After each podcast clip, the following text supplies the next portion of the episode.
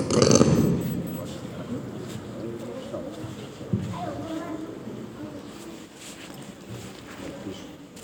you.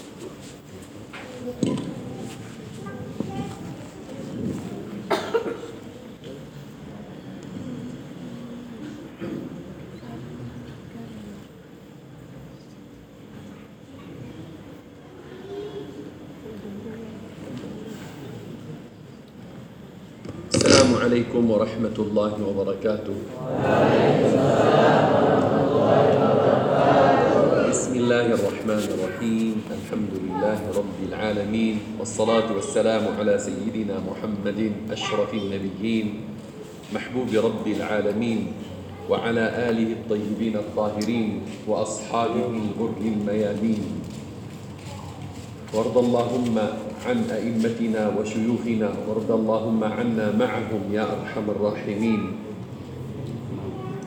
أما بعد فنحمد الله سبحانه وتعالى أن جمعنا بكم في هذه الساعة المباركة في بيت من بيوت الله. نذكر مولانا سبحانه وتعالى ونقرأ القرآن نقرأ القرآن ونتدارس في شيء من معانيه. فهذه نعمة عظيمة نسأل الله سبحانه وتعالى أن يكرمنا بالقبول Assalamualaikum warahmatullahi wabarakatuh. Beliau guru kita saat ini Syekh Syadi Mustafa Arbash setelah mengucapkan puji syukur kehadirat Allah Subhanahu wa taala atas nikmat yang berlimpah ruah yang telah dianugerahkan kepada kita. Nikmat berkumpul bermuhasabah nikmat berkumpul bersama-sama di masjidnya Allah Subhanahu wa taala di rumah yang terbaik untuk berzikir bersama mudarasah Al-Qur'an. Dan ini termasuk nikmat yang amat besar yang patut kita syukuri Salah satu cara untuk mensyukuri nikmat yang besar ini adalah menggunakannya dengan sebaik-baiknya yaitu dengan membaca Al-Qur'an, mudarasah, berkumpul, bermuhasabah, saling silaturahim satu sama lain. Inna min a'zami ma manna Allah bihi 'ala al-insan an akramahu bi an yatluwa kitabahu wa an yadhkura asma'ahu wa sifatihi وأن يتفكر في المعاني التي أنزلها سبحانه وتعالى أن يجري قلبه بهذه المعاني وأن يتحرك لسانه بالألفاظ المنزلة التي هي كلام الله سبحانه وتعالى. فإن المرء حينما يقرأ القرآن إنما يناجي ربه سبحانه وأي شيء أعظم وأكرم وأشرف من أن يناجي العبد خالقه ورازقه ومولاه جل جلاله. فهذه النعمة التي يقصر فيها كثير منا. نسأل الله سبحانه وتعالى أن يردنا إلى دينه ردا جميلا. قراءة القرآن أيها السادة جعل الله سبحانه وتعالى لها أنوارا وأسرارا ففي كل حرف عشر حسنات غير أن قراءة كل حرف وراءه أنوار تتنور بها العيون وتتنور بها الوجوه وتتنور بها القلوب. الله سبحانه وتعالى أنزل هذا القرآن نورا وسماه نورا أنزله على سيدنا رسول الله صلى الله عليه وسلم. وهو صلى الله عليه وسلم مسمى بالنور أيضا. وربنا جل جلاله منور السماوات والأرض هو النور. وحمله سيدنا جبريل عليه السلام وهو من الملائكة. والملائكة أجسام نورانية. فما القرآن إلا من النور جل جلاله. حمله سيدنا جبريل النور إلى قلب سيدنا محمد صلى الله عليه وسلم الذي كان نورا صلى الله عليه وسلم. أنار الله به هذه الدنيا. فمن أراد أن ينير درب حياته من أراد أن ينير قلبه من أنار من أراد أن ينير وجهه فعليه أن يفتح كلام ربه. ويناجي الله سبحانه وتعالى Sesungguhnya termasuk nikmat yang amat besar yang dianugerahkan oleh Allah Subhanahu wa taala kepada hamba-hambanya adalah nikmat membaca Al-Qur'an, nikmat mempelajari Al-Qur'an, nikmat terbesitnya Al-Qur'an di dalam hati. Di mana Al-Qur'an ini adalah kalamullah. Kalamullah. Tidak ada yang dapat mengalahkan kalamullah. Wirid ataupun zikir apa pun pasti kalah di hadapan kalamullah. Orang yang sedang membaca Al-Qur'an berarti dia telah berarti dia sedang yunaji rabbah, sedang bermunajat kepada Allah Subhanahu wa taala, sedang berinteraksi langsung dengan Allah Subhanahu wa taala. Sungguh beruntung orang yang senantiasa istiqomah membaca Al-Qur'an karena dia sering berinteraksi dengan Allah Subhanahu wa taala. Al-Qur'an ini sendiri adalah sesuatu yang sangat mulia dibawa oleh malaikat yang paling mulia, diterima oleh nabi yang paling mulia, dibawa oleh malaikat. Malaikat didefinisikan oleh para ulama terdahulu adalah ajsamun nuraniyah, adalah sosok-sosok yang berasal dari cahaya. Adalah sosok-sosok yang berasal dari cahaya. Al-Quran merupakan cahaya, malaikat berasal dari cahaya, dan cahaya tersebut tidaklah bisa diterima kecuali orang yang sangat bercahaya yaitu Rasulullah Muhammad Wasallam maka sepatutnya jika kita ingin wajah kita bercahaya hati kita bercahaya kehidupan kita bercahaya berbagai macam langkah kita dibimbing oleh Allah Subhanahu wa taala maka sepatutnya dia senantiasa istiqomah membaca Al-Qur'an memang betul satu huruf Al-Quran bernilai 10 kebaikan. Namun yang paling penting lagi di balik itu semua adalah cahaya yang dihasilkan dari Al-Quran itu sendiri. Memang Al-Quran bernama An-Nur, kemudian Rasulullah juga dijuluki An-Nur, dibawa oleh malaikat Jibril yang berasal dari cahaya dan tidak akan bisa diterima oleh hati yang penuh dengan cahaya. Maka Barang siapa yang ingin menyinari hari-harinya, hatinya, kehidupannya, wajahnya, menyinari dengan kebaikan khususnya dengan cahaya ilahiyah maka senantiasa dianjurkan untuk membaca Al-Qur'an di mana membaca Al-Qur'an ini adalah ibadah termasuk ibadah yang paling mulia karena membaca kalamullah kalam yang menciptakan alam semesta ini الناس يسعون الى تجميل ظواهرهم فترى الواحد منا يلبس اجمل الثياب ويحب ان يلبس الثوب الابيض ويلبس الفاخر من الثياب المزينة ليتجمل بها. هذا جمال الظاهر. ونرى بعض الناس تضع الصباغ والألوان على الوجوه لأجل أن يطلبوا الجمال. أيها الأحبة الجمال هو جمال في الباطن ينعكس جمالا على الوجه. فالجمال جمال القلب. هذا الجمال القلبي يحصل بالقرب من الله سبحانه وتعالى.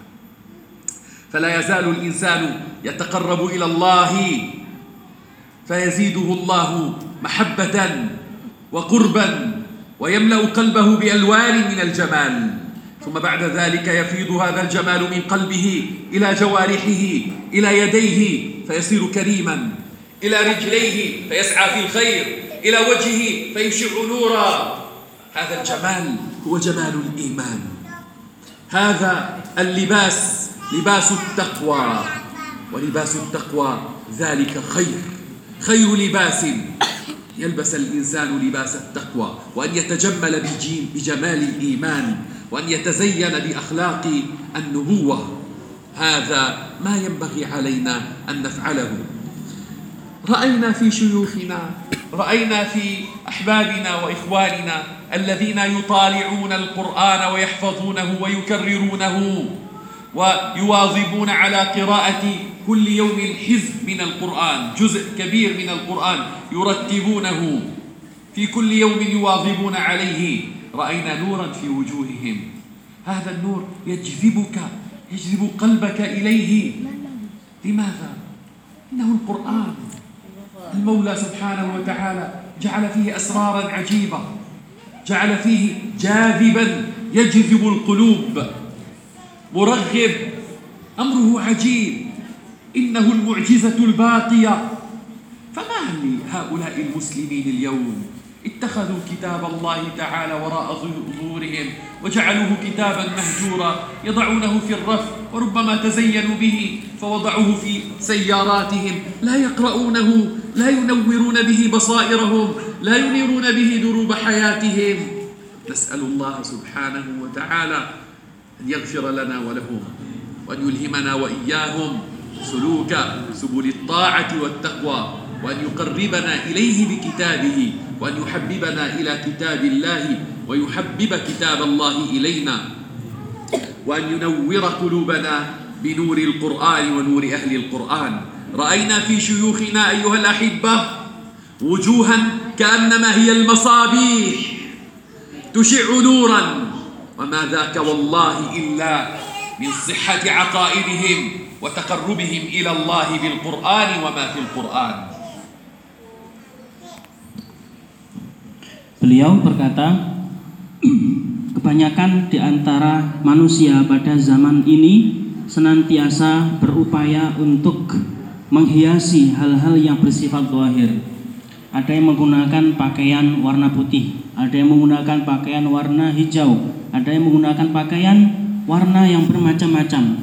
Berupaya untuk menghiasi hal-hal yang zahir, sementara hal-hal yang batin dikesampingkan yang perlu kita ketahui dan kita sadari bersama wahai para hadirin tolabul jamal yaitu mencari atau berupaya untuk menghiasi diri memang penting menghiasi diri lahir tapi yang jauh lebih penting adalah menghiasi batin di mana batin ini akan menciptakan satu sinergi akan mewujudkan satu interaksi di dalam diri. Orang yang batinnya baik, berbagai macam ucapan, perilaku, ataupun berbagai macam tindakan yang dihasilkan dari orang tersebut akan senantiasa baik. Orang yang senantiasa membaca Al-Quran dan diniatkan untuk takorub ilallah, niatnya bukan untuk hal-hal yang lain. Dan senantiasa Al-Quran ini di upayakan terbesit selalu di dalam hati, maka hatinya akan dipenuhi dengan cahaya. Di mana hati ketika penuh dengan cahaya akan menghasilkan kedermawanan, akan menghasilkan perilaku-perilaku yang baik. Diri yang terlanjur dipenuhi oleh cahaya Al-Quran, cahaya Allah, cahaya takwa, maka diri tersebut akan senantiasa menghasilkan hal-hal yang positif, tidak mungkin menghasilkan hal-hal yang negatif. Di dalam Al-Quran dijelaskan wali bahasut taqwa dzalika khair. Pakaian ketakwaan itulah yang terbaik bagi kita. Pakaian zahir memang penting, tapi ada yang jauh lebih penting yaitu menghiasi batin. Di mana batin yang sudah terlanjur dihiasi dengan cahaya Allah, dengan cahaya takwa, cahaya cinta Rasulullah Shallallahu Alaihi Wasallam, maka akhlakun nubuwah akan dengan mudah dihasilkan oleh orang yang bersangkutan. Beliau menceritakan bahwasannya guru-guru beliau pada zaman dahulu hingga saat ini mereka senantiasa mutolaah Al-Quran, membaca Al-Quran, belajar Al-Quran, menafsiri Al-Quran, berupaya untuk menyingkap kandungan-kandungan isi Al-Quran, mutolaah setiap hari, sebagaimana yang dilakukan oleh para hadirin pada pondok yang mulia ini mereka tak lain dan tak bukan tujuannya hanya satu, menghiasi diri dengan cahaya Allah Subhanahu wa taala agar perilaku kita berasal dari cahaya Al-Qur'an itu sendiri. Al-Qur'an mempunyai cahaya-cahaya yang sangat mengagumkan dan tidak akan mungkin muncul dari orang yang biasa. Maka perlu kiranya menghormati Al-Qur'an dengan cara yang tidak biasa. Al-Qur'an ini sendiri amruhu ajib ada asror ajibah di dalamnya, rahasia-rahasianya luar biasa. Terkadang kita menemui ahli Al-Quran, langsung hati kita condong kepada orang tersebut. Langsung kita seakan ada kecocokan atau chemistry atau merasa nyaman. Itu karena apa? Al-Quran senantiasa ya jadi bulu-bulu menarik hati-hati orang yang ada di sekitarnya. Dan ini termasuk mukjizat Al-Quran yang bisa kita saksikan saat ini. Dan perlu kita syukuri saat ini kita senantiasa membaca Al-Quran, mengistiqomahkan Al-Quran di mana pada zaman akhir saat ini banyak sekali orang yang senantiasa ittakhadul kitaba zuhur anfusihim senantiasa mengambil Al-Quran, menyikapi Al-Quran tidak dihiraukan sama sekali, hanya sekedar dibuat pajangan di rumah, ditaruh di mobil. Nas'alullahal afu wal afiyah. Mudah-mudahan kita dijauhkan dari mengabaikan Al-Quran. Mudah-mudahan kita dijauhkan dari hal-hal yang bertentangan dengan Al-Quran. Memang jika kita benar-benar ingin melihat masyayikh-masyayikh atau orang-orang yang ahli Al-Quran, kita melihat mereka seakan-akan itu adalah orang-orang yang bercahaya, orang-orang yang senantiasa hati kita dipaksa untuk mencintai mereka. Mudah-mudahan kita bisa mencintai, mencintai Al-Quran dan Al-Quran pun bisa mencintai kita. Allahumma amin.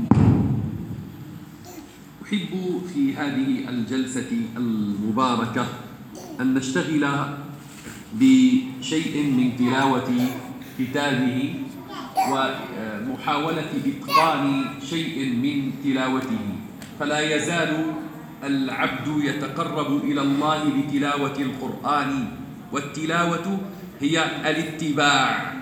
اتباع في النطق اتباع في ما أمر القرآن ونهى عنه. فنحن الآن سنشتغل إن شاء الله تعالى بقراءة شيء من القرآن. نقرأ الفاتحة لكن على شرط أنني إذا قرأت رددتم ورائي. نكرر ذلك مرارا. فإن من أتقن القرآن قراءته ليس كمن قرأ من غير إتقان. فالقراءة مع الإتقان مزيد أجر ومزيد خير. فلذلك رتب الله المراتب العليا لمن يقرأ القرآن. نعم حتى لو لم يحسن قراءة القرآن وكان يتتعتع فيه. نعم فإن له أجرا عظيما. أما من يقرأ القرآن وهو ماهر فيه فإنه مع الكرام البررة. من قرأ القرآن وهو يتتعتع فيه كان له أجر عظيم لا شك في ذلك. لكن الخير من ذلك أن نقرأ ونحن نحسن قراءة القرآن. فلذلك نبدأ إن شاء الله تعالى في مجلسنا هذا بقراءة الفاتحة ثم بعد ذلك بقراءة شيء من المعوذات. نكررها ونسأل الله سبحانه وتعالى أن ينفعنا بالقرآن وأن يجري, ويجري علينا من بركاته وأن ينورنا بأنواره وأن ينفحنا بنفحاته وأن يكتبنا مع الذين يشتغلون بالقرآن فأهل القرآن أهل الله وخاصته هم أحباب الله تعالى. وأنا نصيحتي لكم يا أحبتي يا إخوتي وأخواتي نصيحتي لا تهجروا كتاب الله. حال القارئ للقرآن كحال آه، من يزيد نفسه بشحنات إيمانية بعطايا إيمانية. بأنوار إيمانية. أترون هذا الجوال؟ إنه إذا انقطع منه الكهرباء يصير مظلما. ولكن إذا أردت أن أنير وأن يعمل أضعه في الكهرباء وأملأه بالكهرباء قليلا قليلا. إن قارئ القرآن يشحن نفسه وقلبه بشحنات إيمانية فيمتلئ إيمانا. فإذا أردت أن يكون دربك درب خير في الدنيا فابدأ يومك بقراءة القرآن ولو صفحة واحدة واظب عليها. وإذا أردت أن يكون ليلك ليلا هانئا تنام فيه روحك مع الصالحين وترقى وتعرج إلى معارج الولاية فنم وأنت تذكر الله واقرأ كلام الله واجعل آخر كلام تقرأه في ليلك هو كلام الله سبحانه وتعالى. فتنام نفسك وأنت مطمئن. مرتاح. ترى المنامات الطيبة المباركة تطوف روحك بين أرواح الأولياء والصالحين. فلا تكن كهؤلاء العصاة الذين لا ينامون قبل أن يعصوا الله تعالى حتى يملأوا عيونهم من المعاصي الكثيرة. يا رب اغفر لنا يا رب. يا رب ارحمنا يا رب. يا رب تب علينا إنا قد تبنا إليك. أصلح أحوالنا وأحوال المسلمين. هذا ما جرت عليه عوائل الناس اليوم أكثر المسلمين. لا ينامون إلا بعد أن يملأوا قلبهم بالظلمات ظلمات المعاصي ظلمات الفجور. ثم ينام فينام كمن يتخبطه الشيطان من المس. ينام مع الشياطين فروحه تكون ثقيلة يستيقظ لا يستيقظ على صلاة الفجر غالبا. ثم ماذا؟ ثم إذا استيقظ يكون كسولا روحه متثاقلة. ليس فيه نشاط على الطاعة. هذا كله بسبب هجران ربنا سبحانه وتعالى. بسبب هجران كتاب الله تعالى. اللهم اجعلنا ممن يستمعون القول فيتبعون أحسنه. اللهم اهدنا بالقرآن. يسر لنا تلاوته. يسر لنا حفظه. اجعلنا من رافعي ألويته. كرامة لحبيبك المصطفى. يا رب هذه الساعة اجعلها ساعة توبة لنا جميعا من العصيان. ونعاهدك يا مولانا على قراءة كتابك وعلى المواظبة على الذكر وعلى قراءة القرآن فتب علينا واغفر لنا وارحمنا إنك خير مسؤول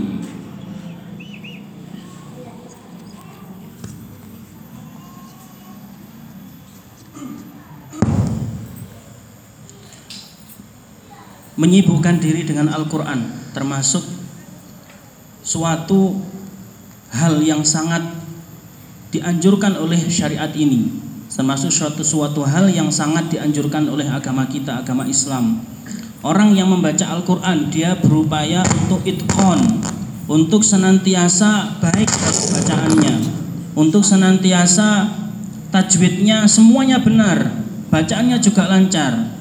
Orang yang senantiasa mendekatkan diri kepada Allah Subhanahu wa taala dengan tilawah dengan membaca Al-Qur'an dengan mungkin dengan baik berarti dia sedang berupaya berkomunikasi dengan Allah Subhanahu wa taala dengan baik. Yang perlu diingat, at-tilawah itu adalah ittiba. Jadi kita membaca Al-Qur'an itu harus ada gurunya, harus ada sanatnya, harus ada yang mengajarkan. Setelah ini, insya Allah beliau akan mengajari kita secara bersama-sama membaca suratul Fatihah dengan syarat ketika beliau nanti mentalkinkan Al-Fatihah sendiri, mentalakikan Fatihah itu sendiri, kita tirukan secara bersama-sama. Beliau membaca Al-Bismillah misalnya, nanti kita tirukan secara bersama-sama. Beliau membaca ayat berikutnya, kita tirukan secara bersama-sama.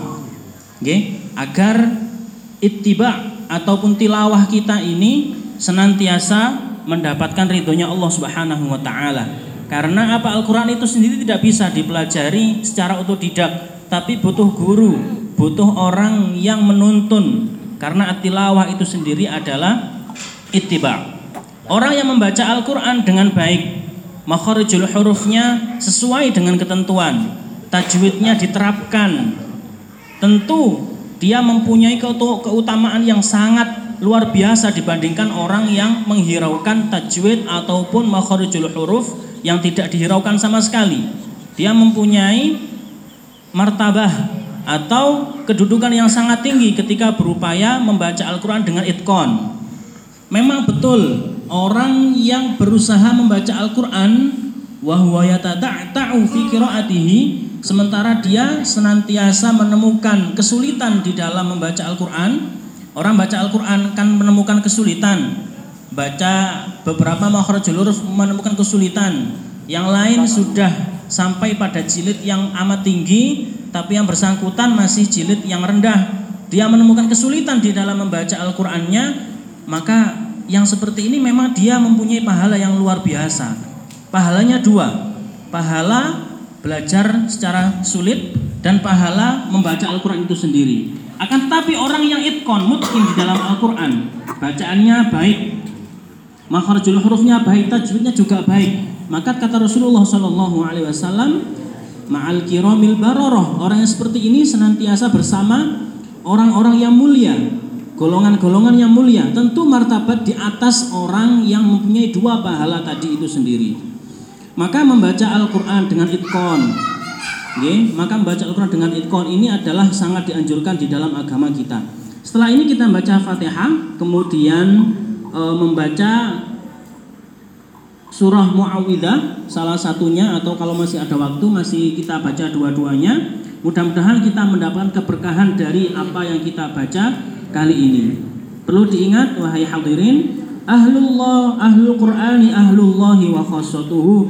Orang yang menyibukkan diri dengan Al-Qur'an, ahlul Qur'an adalah keluarganya Allah Subhanahu wa taala. Maka keluarganya Allah pasti diurus oleh Allah Subhanahu wa taala, nggak mungkin ditinggalkan. Maka wasiat beliau kepada kita semua, jangan sampai kita meninggalkan atau menyia-nyiakan Al-Qur'an itu sendiri. Jangan sampai kita meninggalkan atau menyia-nyiakan Al-Quran itu sendiri. Kita orang Islam, orang ahli iman. Tentu iman itu butuh yang namanya charge. Atau kalau dalam bahasa teknologi kita HP, ini kan butuh di charge, butuh di charge. Begitu juga dengan keimanan kita. Ketika dia turun butuh di charge yaitu dengan membaca Al-Qur'an agar cahaya di dalam diri bertambah HP tidak akan bisa menyala kalau tidak di charge. Oleh karenanya orang yang sedang membaca Al-Quran berupaya untuk menyibukkan diri dengan Al-Quran, seyogyanya sejatinya dia sedang mencharge atau mengupgrade terus imannya, menambah keimanannya.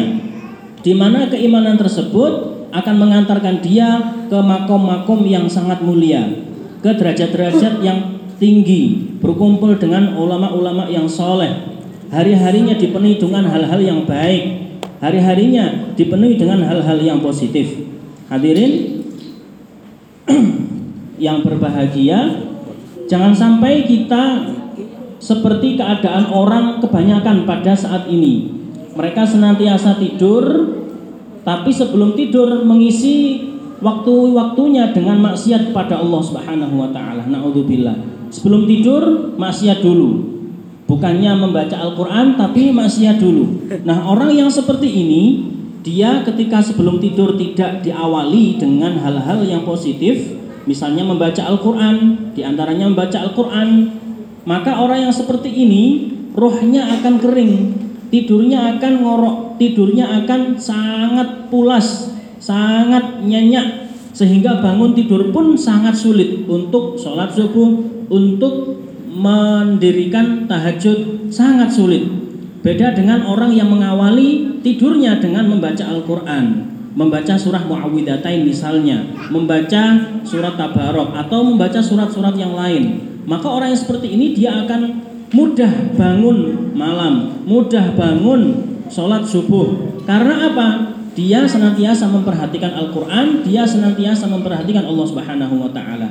Jangan-jangan ketika ada orang malas bangun untuk subuh ataupun malas bangun untuk membaca Al-Quran, bukan kok dia malas sholat subuh ataupun malas membaca Al-Quran, bisa-bisa Al-Quran ataupun Allah Subhanahu wa taala sendiri yang malas bertemu dengan yang bersangkutan. Nauzubillah, teman naudzubillah.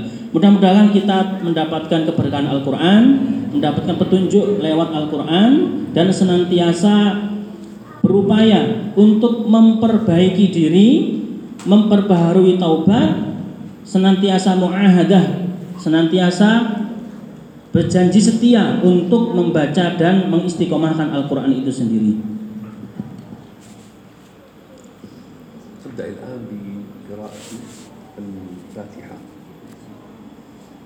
أعوذ بالله من الشيطان الرجيم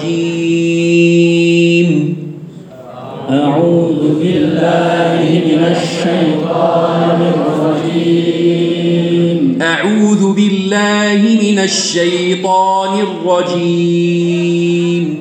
أعوذ بالله من الشيطان الرجيم. أعوذ الشيطان الرجيم. أعوذ بالله من الشيطان بسم الله الرحمن الرحيم. بسم الله الرحمن الرحيم. بسم الله الرحمن الرحيم. بسم الله الرحمن الرحيم. بسم الله الرحمن الرحيم. بسم الله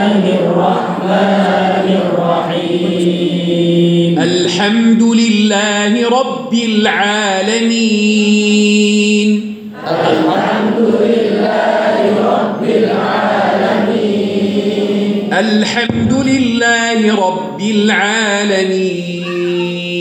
الحمد لله رب العالمين الحمد لله رب العالمين الحمد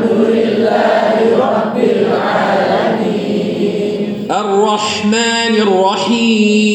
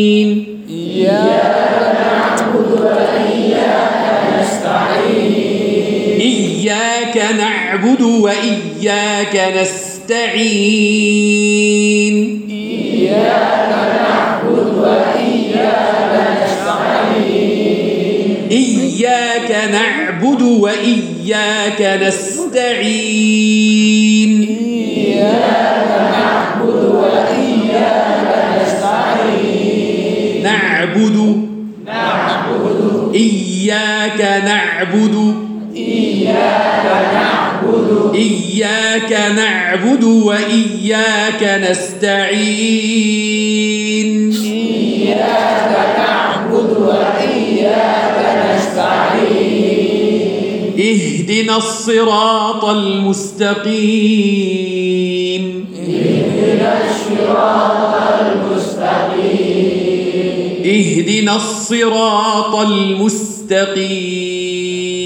اهدنا الصراط المستقيم اهدنا الصراط المستقيم اهدنا الصراط المستقيم الصراط الصراط الصراط المستقيم. المستقيم المستقيم المستقيم الصراط المستقيم. الصراط المستقيم. اهدنا الصراط المستقيم. اهدنا الصراط المستقيم صراط الذين أنعمت عليهم صراط الذين أنعمت عليهم صراط الذين أنعمت عليهم. صراط الذين أنعمت عليهم. صراط الذين أنعمت عليهم. صراط الذين أنعمت عليهم صراط صراط صراط صراط الذين أنعمت عليهم الذين أنعمت عليهم أنعمت عليهم أنعمت عليهم أنعمت أنعمت أنعمت أنعمت أنعمت أنعمت عليهم صراط الذين أنعمت عليهم صراط الذين أنعمت عليهم أنعمت عليهم أنعمت عليهم أنعمت أنعمت أنعمت أنعمت أنعمت أنعمت عليهم أنعمت عليهم. غير المغضوب عليهم غير المغضوب عليهم غير المغضوب عليهم. غير المغضوب عليهم. غير المغضوب عليهم. غير المغضوب عليهم. المغضوب عليهم. المغضوب عليهم. المغضوب. المغضوب المغضوب عليهم المغضوب عليهم غير المغضوب عليهم. غير المغضوب عليهم. ولا الضالين.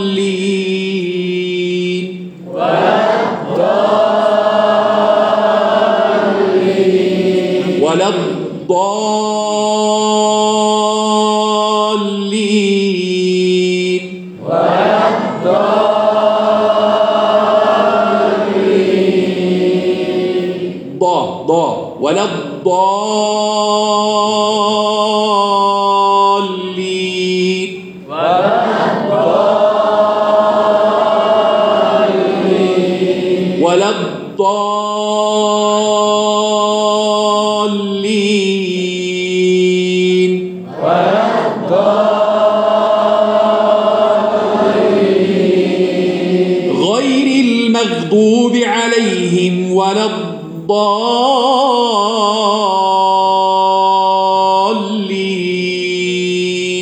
غير المغضوب عليهم ولا غير المغضوب عليهم ولا الضالين.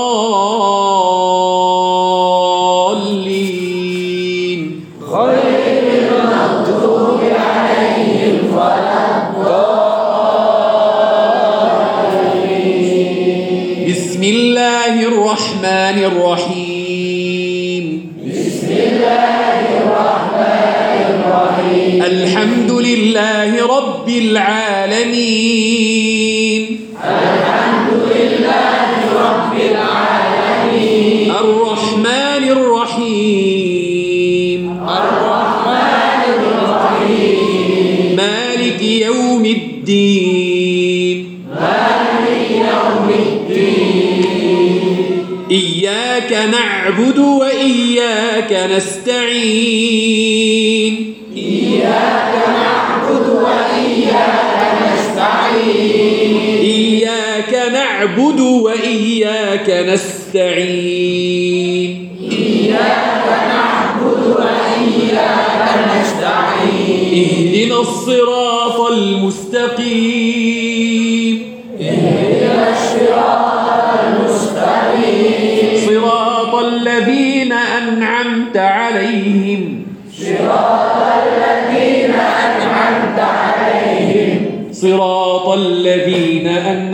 عليهم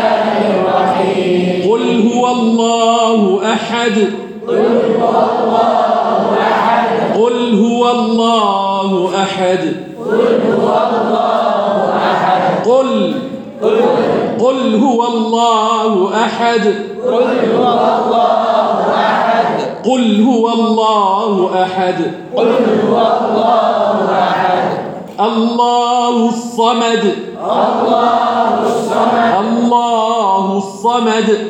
الله الصمد. الله الصمد الله الصمد لم يلد ولم يولد. لم يلد. ولم يولد.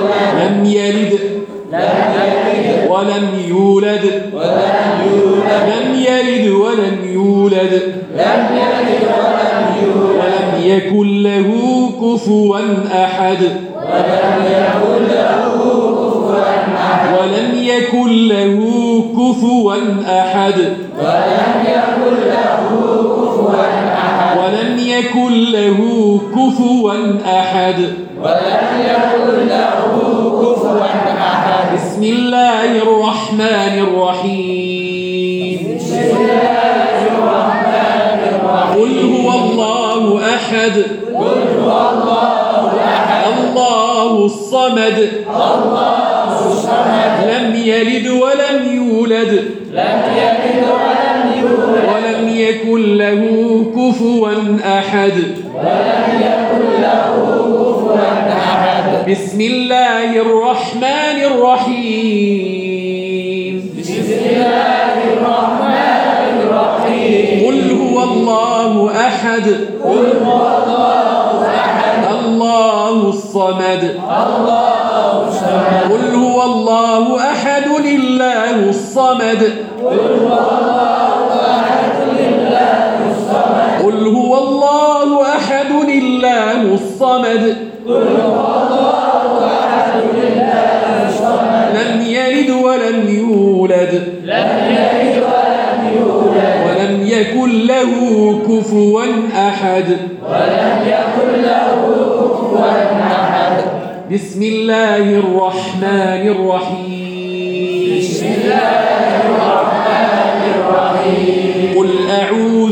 برب الفلق. قل أعوذ برب الفلق. قل أعوذ برب الفلق قل أعوذ برب الفلق. قل قل أعوذ برب الفلق قل أعوذ برب الفلق من شر ما خلق. من شر ما خلق. من شر ما خلق من شر شر ما خلق. من شر ما خلق ومن شر غاسق إذا وقب. ومن شر غاسق إذا وقب. ومن شر غاسق إذا وقب. ومن شر غاسق إذا وقب ومن شر غاسق إذا وقب ومن شر ومن شر النفاثات في العقد. ومن شر النفاثات في العقد. ومن شر النفاثات في العقد. ومن شر ومن شر النفاثات في العقد. ومن شر ومن شر حاسد إذا حسد. حاسد إذا حسد. ح- حاسد إذا حسد. ومن شر حاسد إذا حسد. بسم الله الرحمن الرحيم.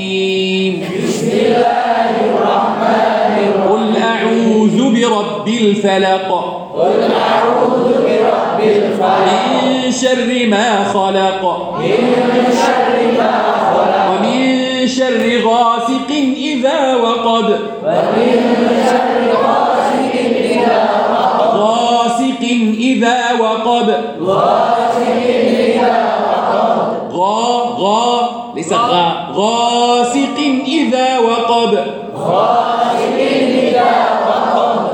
ومن شر النفاثات في العقد. ومن شر حاسد إذا حسد. بسم الله الرحمن الرحيم.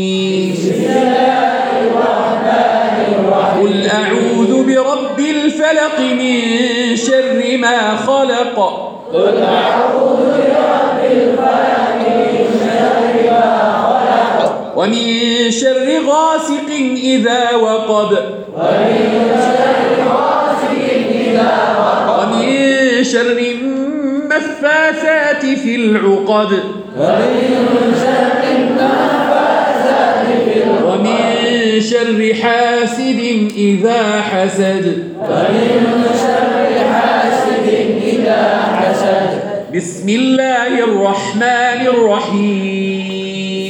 قل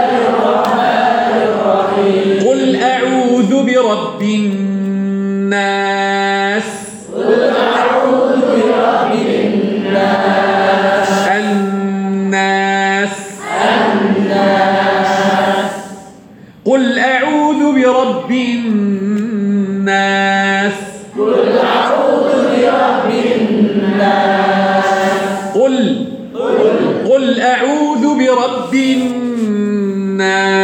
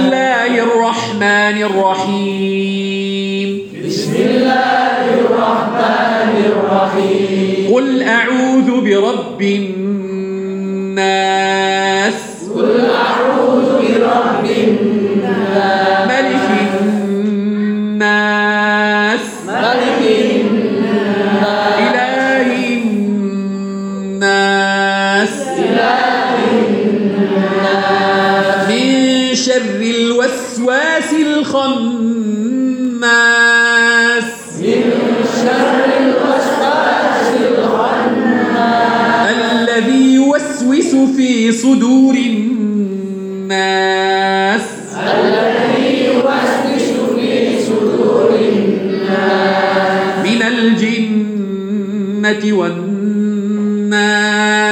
من الجنة والناس. صدق الله العظيم. في خاتمة مجلسنا هذا أحب أن أذكر شيئا يجمعنا إن شاء الله تعالى هو الذي أتى بي من آخر بلاد الدنيا إلى آخر بلاد الدنيا في الطرف الآخر. نجدت من الشام وهي بلدة بعيدة تحتاج إلى ما يزيد من أربعة عشر ساعة بالطائرة. أتيت إلى هنا يجمعني معكم جامع الإسلام. جامع الإسلام الإيمان هو العقيدة عقيدة التوحيد. عقيدة الإيمان بالله تعالى. فتعالوا نتذاكر شيئا مما يجب علينا أن نعتقده أيها الأحبة.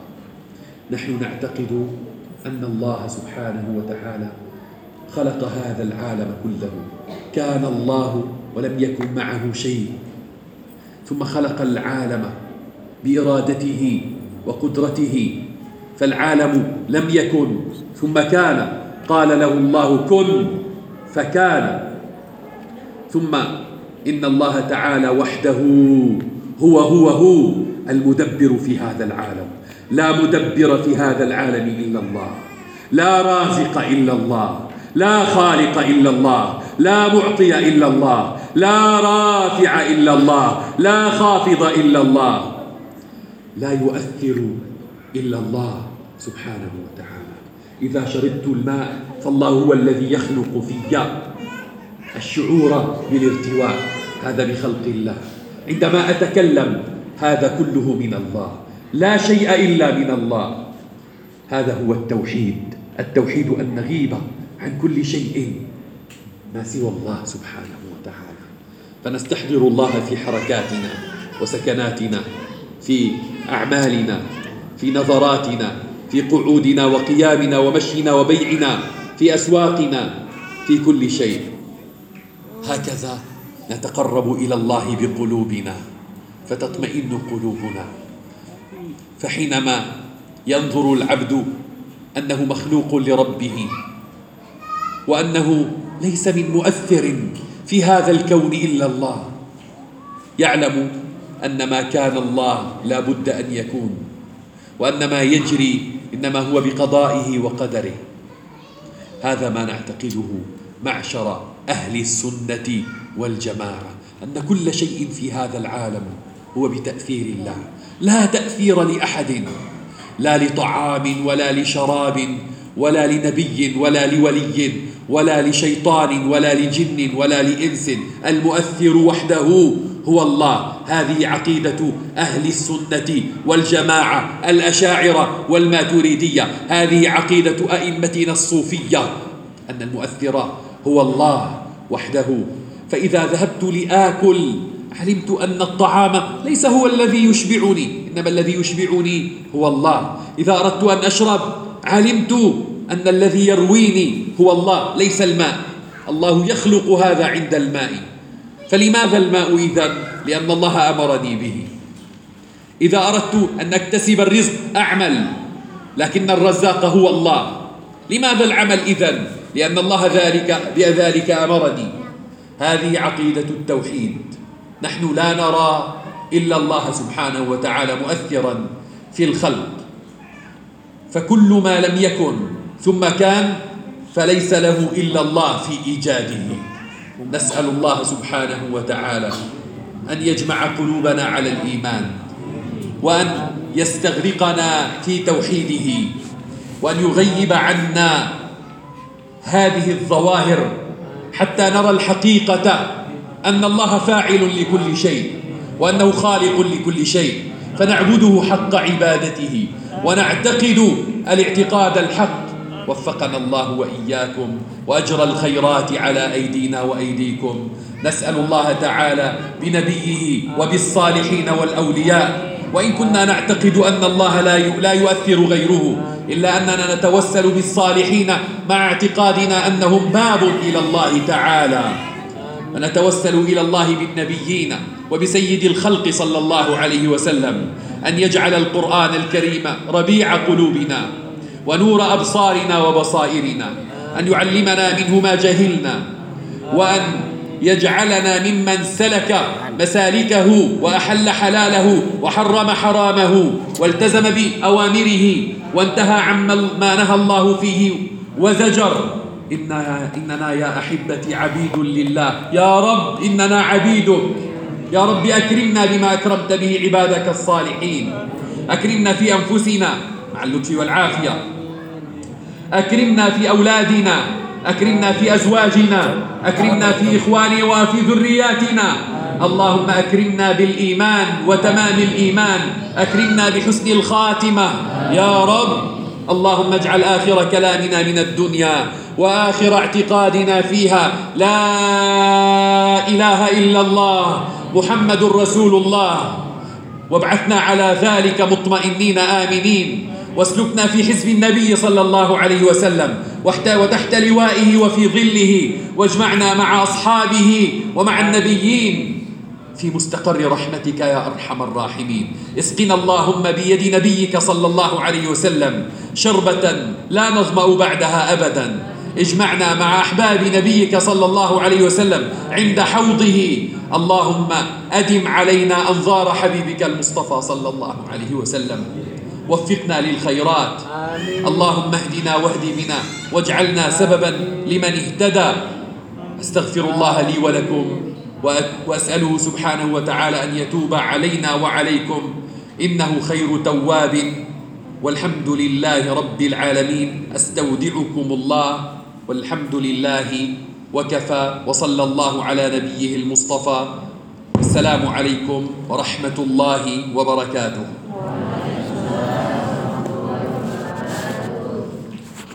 Beliau setelah menyampaikan beberapa nasihat sekaligus talaki bacaan Al-Quran dan surah Mu'awwidatain menutup dengan satu kesan. Beliau memberikan kesan para hadirin semua. Beliau datang dari negara yang amat jauh yaitu Syam, yaitu Suriah. Menempuh perjalanan 14 jam pesawat terbang sesuatu yang mengumpulkan kita saat ini. Beliau datang dari tempat yang sangat jauh menuju Indonesia, menuju daerah saat ini. Yang mengumpulkan kita adalah tak lain dan tak bukan adalah Islam, akidah, iman, tauhid, iman kepada Allah Subhanahu wa taala. Andai tidak karena Islam, akidah, tauhid, iman kepada Allah Subhanahu wa taala, maka kita tidak akan mungkin bisa berkumpul bersama-sama di majelis yang mulia ini. Akidah adalah sesuatu yang kita yakini. Termasuk akidah sunnah wal jamaah adalah meyakini bahwasannya Allah Subhanahu wa taala menciptakan alam semesta ini. Alam semesta ini wujida ba'da an lam yakun. Alam semesta ini ada di mana sebelumnya tidak ada. Sebelumnya ketiadaan dan Allah Subhanahu wa taala menciptakan alam. Maka alam ini bersifat fana dan Allah yang maha kekal dan maha abadi. Dan ketika menciptakan dan menciptakannya Allah Subhanahu wa taala alam semesta ini tidak dibersamai oleh siapa pun dan apa pun. Ruang dan waktu tidak berlaku bagi Allah Subhanahu wa taala. Ini adalah termasuk akidah Ahlussunnah wal Jamaah. Alam yang sebelumnya tidak ada menjadi ada. Itulah karena kudrohnya Allah Subhanahu wa taala. Sesuatu yang tidak ada sama sekali menjadi ada. Sesuatu yang tidak ada sama sekali menjadi ada. Itu itulah adalah kudrohnya Allah Subhanahu wa taala. Manusia mungkin bisa menciptakan berbagai macam hal, namun dia hanya bisa merakit. Tapi yang bisa menciptakan dari ketiadaan menuju suatu keadaan, sesuatu yang ada hanyalah Allah Subhanahu wa taala. Allah taala menciptakan dan Allah taala yang mengatur. Dialah yang mudabbir, yang mengatur segala alam semesta ini. Tiada ada yang memberikan rezeki kecuali Allah taala. Tidak ada yang mengangkat kecuali Allah taala. Tidak ada yang memberi kecuali Allah Subhanahu wa taala. Tidak ada yang memberi dampak, memberi labet kecuali Allah Subhanahu wa taala. Ketika kita minum yang membuat kita segar dari kehausan bukan air tapi Allah Subhanahu wa taala. Setelah minum Allah Subhanahu wa taala menciptakan kesegaran tersebut. Ketika kita makan, yang menciptakan kenyang adalah Allah Subhanahu wa taala, bukan makanan. Dan itu adalah akidah Ahlussunnah wal Jamaah. Segala sesuatu di alam semesta ini taksirnya, dampaknya berasal dari Allah Subhanahu wa taala. Maka sepatutnya dalam berbagai macam langkah, nafas, gerak-gerik kita senantiasa menghadirkan Allah Subhanahu wa taala karena Allah Subhanahu wa taala, Islam, iman, tauhid yang mengumpulkan kita di kesempatan yang mulia ini. Hadirin, ubudiyah lillahi subhanahu wa taala, penghambaan kepada Allah Subhanahu wa taala dari seorang hamba adalah merupakan suatu kemuliaan tersendiri. Ketika kita mempunyai Allah Subhanahu wa taala yang Maha mengatur, yang Maha memberi, yang Maha segala-galanya, berarti kita menghamba kepada zat yang Maha segala-galanya. Allah yang menentukan segala sesuatu. Akidah Ahlussunnah wal Jamaah seperti yang telah dijelaskan beliau tadi adalah segala sesuatu dampak ini munculnya dari Allah Subhanahu wa taala. Akidah ahlussunnah wal jamaah ulama-ulama kita dari Imam Ash'ari, Imam Maturidi dan ulama-ulama sufiyah makanan itu tidak bisa memberikan dampak sama sekali. Yang bisa memberikan dampak hanyalah Allah Subhanahu wa taala. Maka semuanya itu adalah Allah Subhanahu wa taala ketika kita bekerja misalnya mencari nafkah mencari rezeki yang memberikan rezeki Allah Subhanahu wa taala, bukan usaha kita. Bisa jadi usaha kita gagal, bisa jadi usaha kita berhasil. Yang memberi rezeki adalah Allah Subhanahu wa taala. Maka penting menghadirkan hadirnya hati, menghadirkan Allah Subhanahu wa taala dalam berbagai macam kesempatan di kesempatan-kesempatan hidup kita. Sallu ala Nabi Muhammad. Kita senantiasa tidak melihat kecuali Allah Subhanahu wa taala. Berbagai macam peristiwa kejadian hanyalah dari Allah Subhanahu wa taala. Kemudian beliau berdoa, mudah-mudahan Allah Subhanahu wa taala senantiasa mengistiqomahkan iman kita, tauhid kita, lohir kita, batin kita sehingga seakan-akan kita meskipun melihat hal-hal yang zahir tapi dapat mendapati hal-hal yang hakikat tapi dapat mendapati hal-hal yang batin. Secara dohir yang memberi rezeki adalah bos kita, atasan kita. Namun mudah-mudahan kita senantiasa diberikan oleh Allah Subhanahu wa taala kemampuan bahwasanya yang memberi itu bukan bos, bukan atasan, bukan siapa pun. Yang memberi adalah Allah Subhanahu wa taala. Sehingga zahir dan batin kita bisa mendapati hakikat kehidupan ini. Beliau juga bertawasul kepada Allah kepada Rasulullah Shallallahu alaihi wasallam di mana tawasul ini adalah salah satu pintu untuk menuju Allah Subhanahu wa taala. Mudah-mudahan kita dijadikan oleh Allah Subhanahu wa taala ke dalam golongan orang-orang ahli Al-Qur'an. Mudah-mudahan kita senantiasa dapat meneladani Rasulullah Shallallahu alaihi wasallam. Mudah-mudahan kita dimuliakan oleh Allah Subhanahu wa taala. Anak cucu kita, keluarga kita, istri kita, teman-teman kita, murid-murid kita, guru-guru kita, mudah-mudahan senantiasa dirahmati oleh Allah Subhanahu wa taala. Mudah-mudahan apa yang dapat disampaikan oleh beliau ini dapat menjadi manfaat untuk kita semua. Mudah-mudahan dapat berkumpul kembali billahi taufik wal hidayah waridul inayah al fakir atas nama pribadi mohon maaf atas segala kesalahan keterbatasan billahi taufik wal hidayah waridul inayah wassalamualaikum warahmatullahi wabarakatuh Waalaikumsalam warahmatullahi wabarakatuh. Assalamualaikum warahmatullahi wabarakatuh. Eh, ada kesempatan sedikit dari beliau untuk berjabat tangan. Beliau yang berdiri, jenengan yang mulai dari kanan langsung keluar menuju konstruksi. Langsung keluar, beliau berdiri di sini. Jadi nanti eh, dimulai dari sana, eh, jangan bergerombol dan jangan antri, tapi langsung jalan keluar. Bia- ada yang biasa bersolawat